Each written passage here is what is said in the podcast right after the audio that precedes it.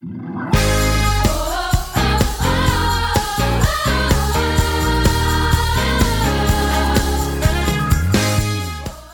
to the City Church International podcast. Each week we launch new teachings and preachings from our Sunday service. We hope it will encourage you in your relationship with Jesus and empower you in your everyday life.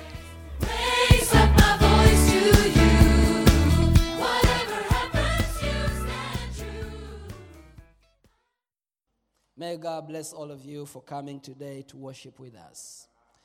Praise the Lord. Today, the Holy Spirit has led me to go back to what I taught the last Thursday. Um, I talked about some of the principal reasons for prayer and fasting.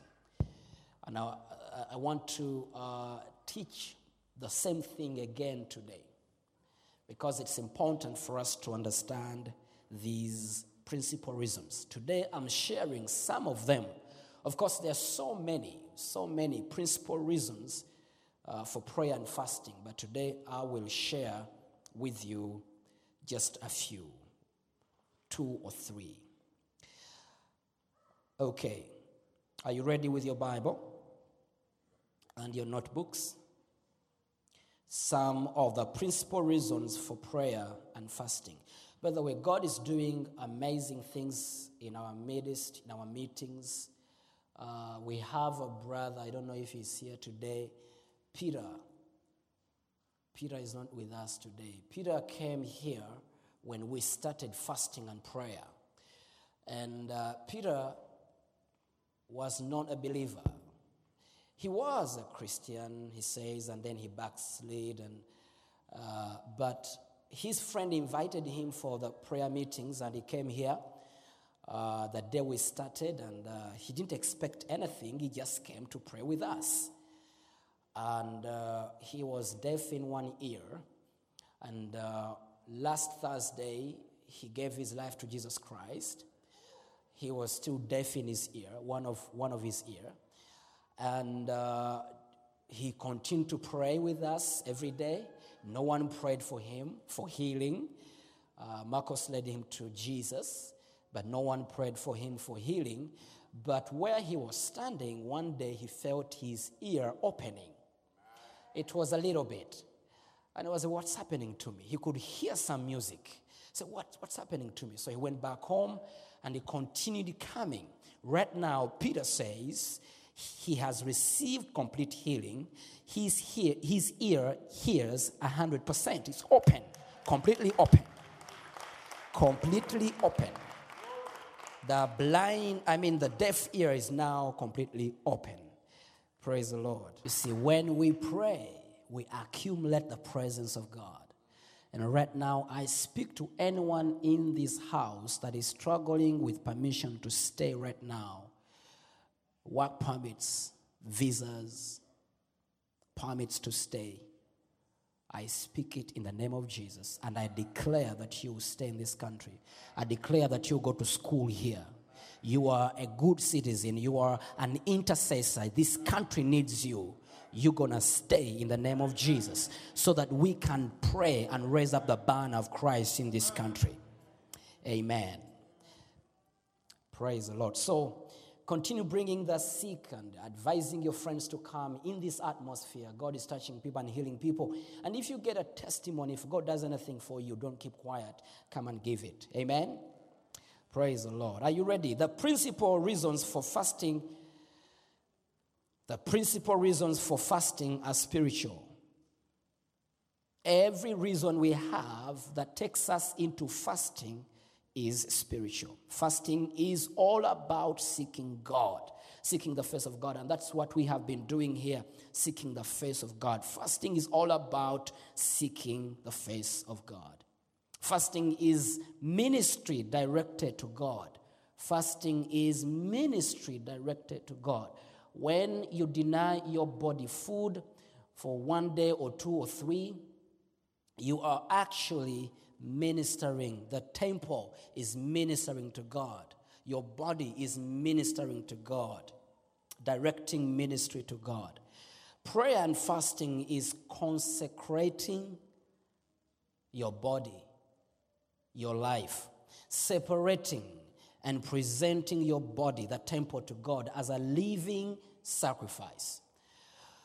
Romans 12, verse 1, Romans 12, verse 1 says, I beseech you, therefore, brethren, by the mercies of God, that you present your bodies a living sacrifice, wholly acceptable to God, which is your reasonable service. So the Bible encourages us in Romans 12, verse 1, that we present our bodies a living sacrifice.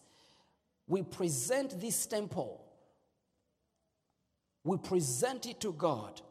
And remember, I have been telling you that the, the, the original translation of the word living means life and time. So when we fast, we give Him our life, we give Him our time. We separate ourselves from the rest of the things that take our time and give our time to God. We serve God, we minister to God in the temple with our time and with our life. We separate ourselves and present this temple, your body, as a living sacrifice. Now, reason number one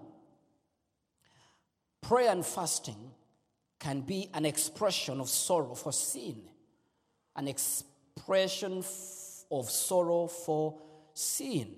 When sin is too much in your body, in your life, when sin is taking over your family, when sin is taking over your nation or your city or your country, when you go into fasting, you express this sorrow, heavy, great sorrow for sin before God.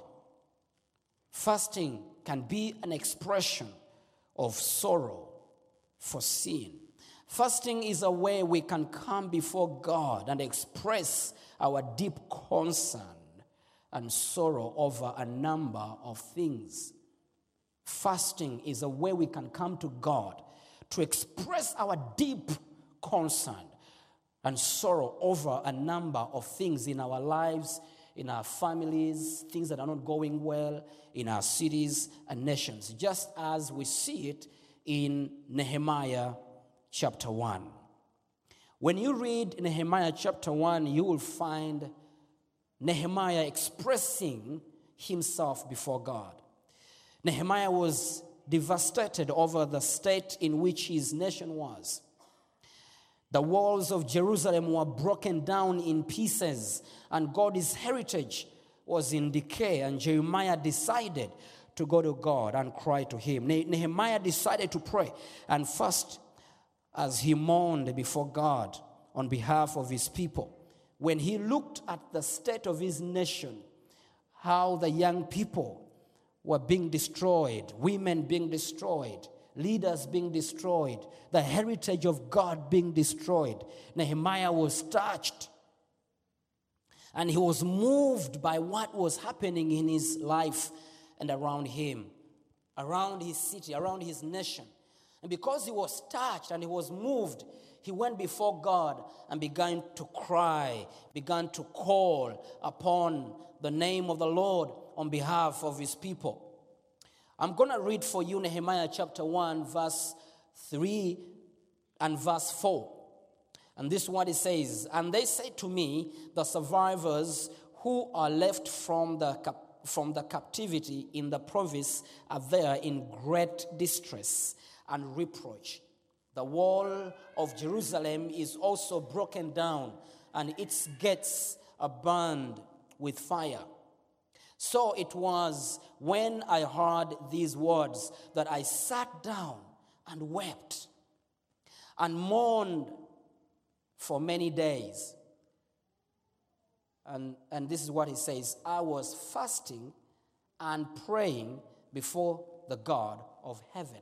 He decided, excuse me, he decided to go into fasting and prayer for many, many, many days because he was touched, he was moved by what was happening in his life.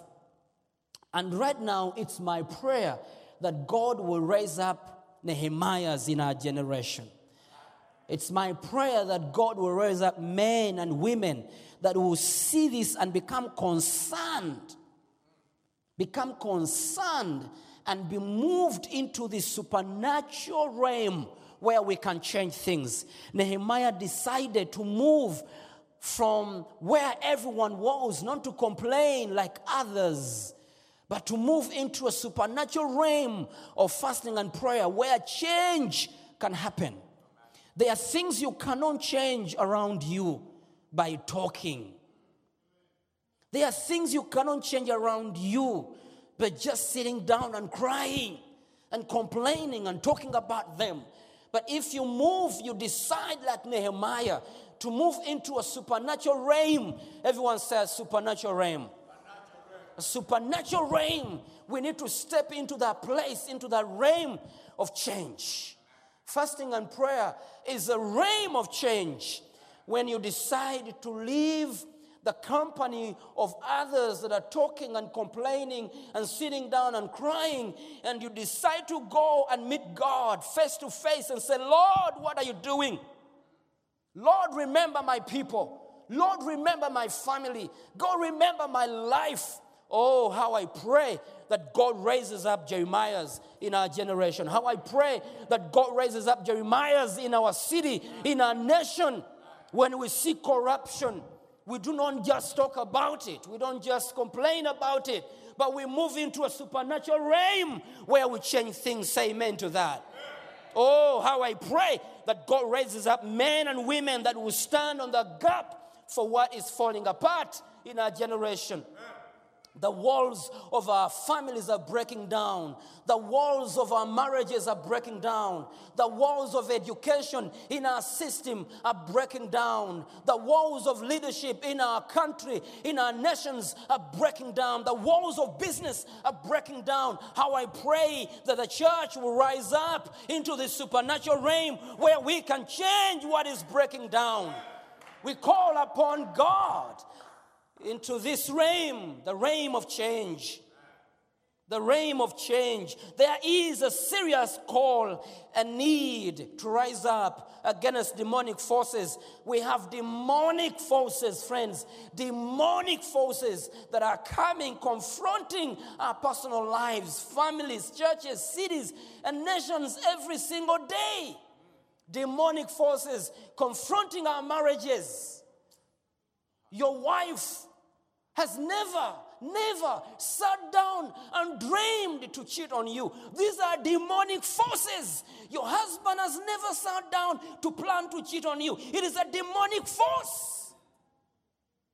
Your children have never, never, never sat down in a meeting and planned to fight you and call police on you. These are demonic forces separating mother from daughter, son from father, and father from mother. These are demonic forces are confronting us every day.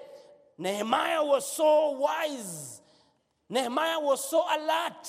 The church is sleeping and we are talking about it and we are reading about it in newspapers and we are complaining and crying crying it off is not enough. We need to rise up and call upon the name of the Lord to come and say, Lord, remember our generation. Oh, how I pray that God will raise up men and women that we call upon God. God is waiting for your voice. God is waiting for your cry. God is waiting for your determination. And say, Lord, we have tried, we've done everything we can, but we cannot change it. Come, O God. Nehemiah called upon God. When he had the news that the walls of Jerusalem are broken down, they are in pieces. He says, Oh God of heaven, calm down. He says, I went into prayer and fasting. Prayer and fasting. There is a serious call for us to rise up and break down these demonic forces. They are coming to you every day. The devil is not in love with you, the devil is your enemy. Oh, come on, raise up your hand right now. Come on, raise up your hand right now and say, I will fight. I will fight. I will fight in prayer and fasting. I will fight in prayer and fasting. God is calling us to stand before Him and mourn God is calling upon us to stand before Him and cry on behalf of His people, on behalf of His people, on behalf of your family, on behalf of your beloved ones, on behalf of your, your marriage, on behalf of your church, behalf of your country, your workplace. You see these things every day. And we have two options, my friends. We either leave them the, the way they are for our children to come and suffer, or we change it in prayer and fasting. God is looking around Stockholm, looking in the nations, and God is searching and He says, Will I have anybody that I can share my burden with? Anyone. Even in your own family, God is watching over your family and He says, Look at this family. Do I have anyone in this family that I can share my burden for this family with? Anyone in this family that I can talk to? Anyone in this family that can call upon me so I can come? Turn with me. Let's go to Ezekiel 22, verse 29 and verse 30. The people of the land have used oppressions, committed robbery, and mistreated the poor and needy, and they have wrongfully oppressed the stranger. So I sought for a man among them who would make a wall and stand in the gap before me on behalf of the land, that I should not destroy it, but I found no one.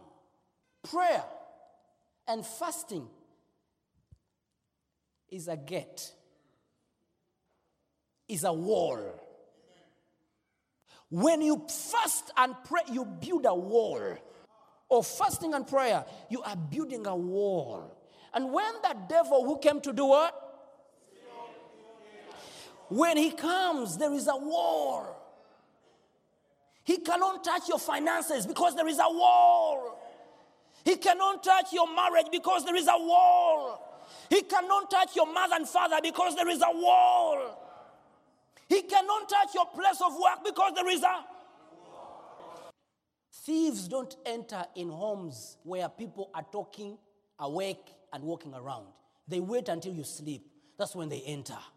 They wait. When you go to bed, they break in. So you have to be aware. You have to be awake. Don't allow the devil to enter. Some people will say, oh, Wilberforce is crazy. I'm telling you the truth. Until you realize this truth, until you get to know. These are mysteries that need to be opened. Your eyes need to be opened. And I pray that people around us, our family members and our friends who think we are radicals and we are too much, I pray that they will realize that sleep, sleep is killing us. Sleep is killing us. Oh, my cousin is divorced. Oh, even, you know, old people, you, you are 60, you're divorcing. Where are you going? You're already 60. And you're, di- where are you go? You see the devil. You should pray for your grandparents. How can you, how can you say my grandparents divorced? You sh- my grandmother divorced. Oh, sharababa. Masataka. The devil. It's the devil. When he comes, your home is quiet, open. And he comes, he's feasting, playing football everywhere in the living room. Yeah, hide and seek. Then he goes to the bedroom. The man is sleeping like this. Hmm? He's 60. He doesn't see his wife who's 50. He's, he begins to see the other girl in the neighborhood. You're 60. How can you dream a girl who is 17? It's a devil. Your wife, who's 50, she's sleeping there with you. And you, you, because you left your door open, the devil comes in and he brings this picture of this slender. You and and and you know you can't even manage her, but you run after her.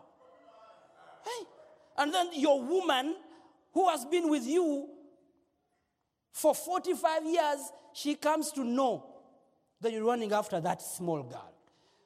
They divorced. What is that? It's demonic. It's demonic. Because we leave our doors open.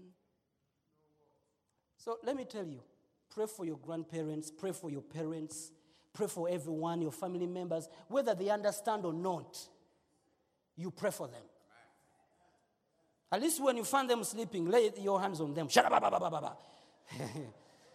Some of them don't understand this, but, but I'm telling you, until we answer the call,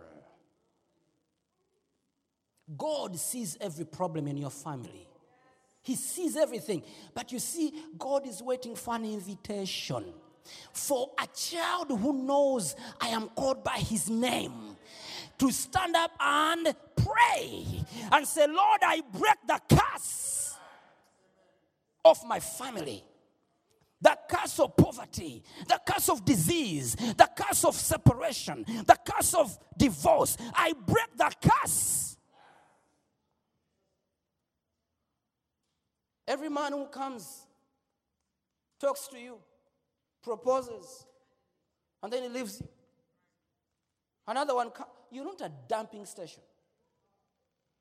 Call upon, you're not a dumping station. Call upon God. Break the curse. God is waiting for someone. Hallelujah. Another thing, God is calling us to become restless. Restless intercessors. Why should you rest before Jerusalem becomes a praise? He's calling for restless intercessors. In Isaiah 62, verse 1, we'll also read verse 6 and verse 7. But verse 1 says, For Zion's sake, I will not hold my peace. For your sake, the intercessor says, I will not hold my peace. And for Jerusalem's sake, I will not rest until her righteousness goes forth as brightness and her salvation as a lamp that burns. Now, the word, the original word for salvation is deliverance. How many of you need deliverance in your family?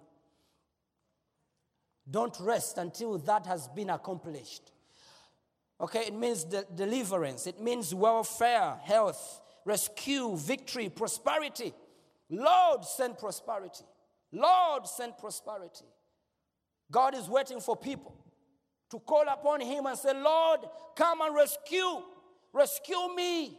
Rescue my family. Bring victory to us. We have been suffering for many years. Bring victory to my family.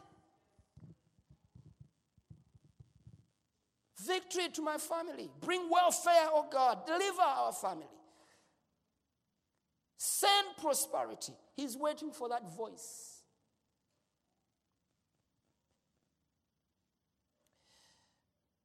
Number six, verse six, it says, I have set watchmen on your walls. God has set you over the walls. O Jerusalem, they shall never hold their peace day and night. So God is expecting us not to hold our peace day and night. It's a full time job. It's a full time job. Not to hold our peace day and night.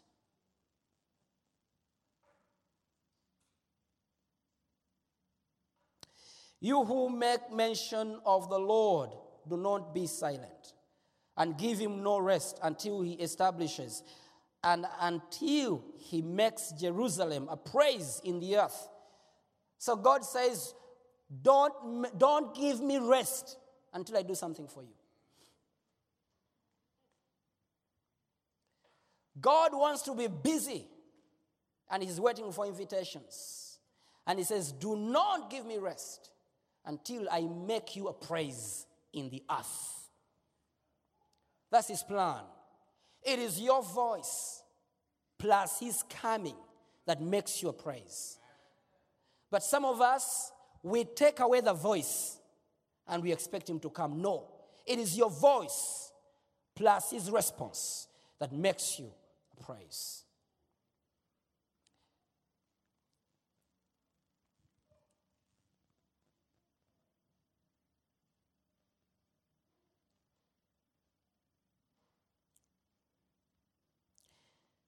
Number two. Let's jump to number two. It's also an expression of seriousness with God. Fasting is an expression of seriousness with God. Seriousness with God. Everyone says seriousness. Now, the whole purpose of fasting is to create more time to pray and to show a seriousness of purpose in prayer.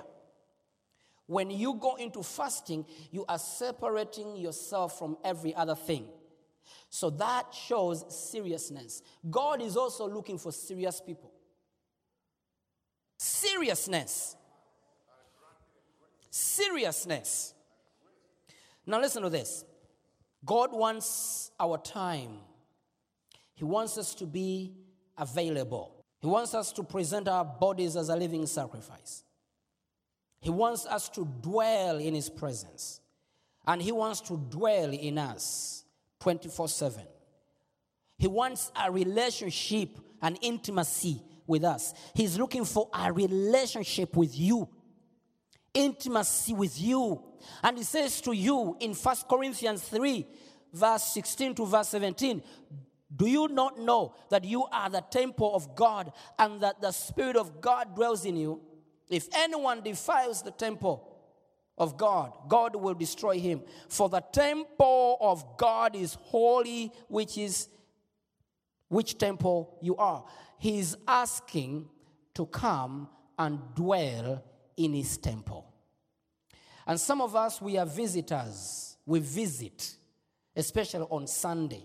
We visit the presence. But he wants you to know that you are the temple. I can dwell in you 24 7, everywhere you are. Not only on Sunday, but you can worship me everywhere you go. And, and listen, some of us, some of us, we have made God cheap, made him so cheap. And we think that God is begging for our time. God is not begging for your time. God created time. He's not begging for your time. We have decided in all our lives, we have decided to give God two hours a week. Only two hours. God, I give you two hours a week. Two hours a week on Sunday. And when the pastor goes beyond four, I'm out because I have a meeting. I have an, a very important, don't they know, I have a very important meeting after this service. They're still singing. Two hours. Two hours. The creator of the universe. You're giving him two hours a week. It's offensive. Yet he desires to have a relationship with you. And you say, hey, man, two hours only on Sunday. And he says, please, I created you for this reason to have fellowship with you, relationship with you. You are my temple. Do not kick me out of my temple. I created it. I love it. I want to be in my temple. Do not kick me out of my temple, says the Lord. And you say, I listen to what you're saying, but Stockholm is a very busy city. And therefore, some of you, you have made him a cleaner of your food. You always ask him and say, Lord, two times a day, Lord, come and clean my food, take away all the bacteria out of my food so I don't get sick. In the name of Jesus, amen. Come and clean my plate, my food, everything. So I don't want to get sick. Clean my food. Okay? So we have made him a cleaner. And, uh, and some of us, we made him a security guard. When we go to sleep, we don't want nightmares. So we say, Lord, come and protect me. Take away all the demons. Take away all the nightmares. Give me a good sleep. It's as if he's a night security guard who comes to protect us. You see how we've made God so cheap. But fasting makes us serious. Because when you fast, you separate yourself, you give God more time.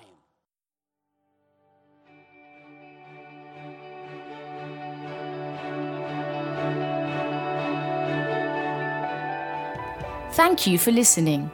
If you're in the Stockholm area, feel free to join us at our international services every Sunday at 2 pm at Adolf Fredriks Kyrkogata 10. If you'd like to know more about Jesus or for any other information, please do visit us at ccistockholm.se.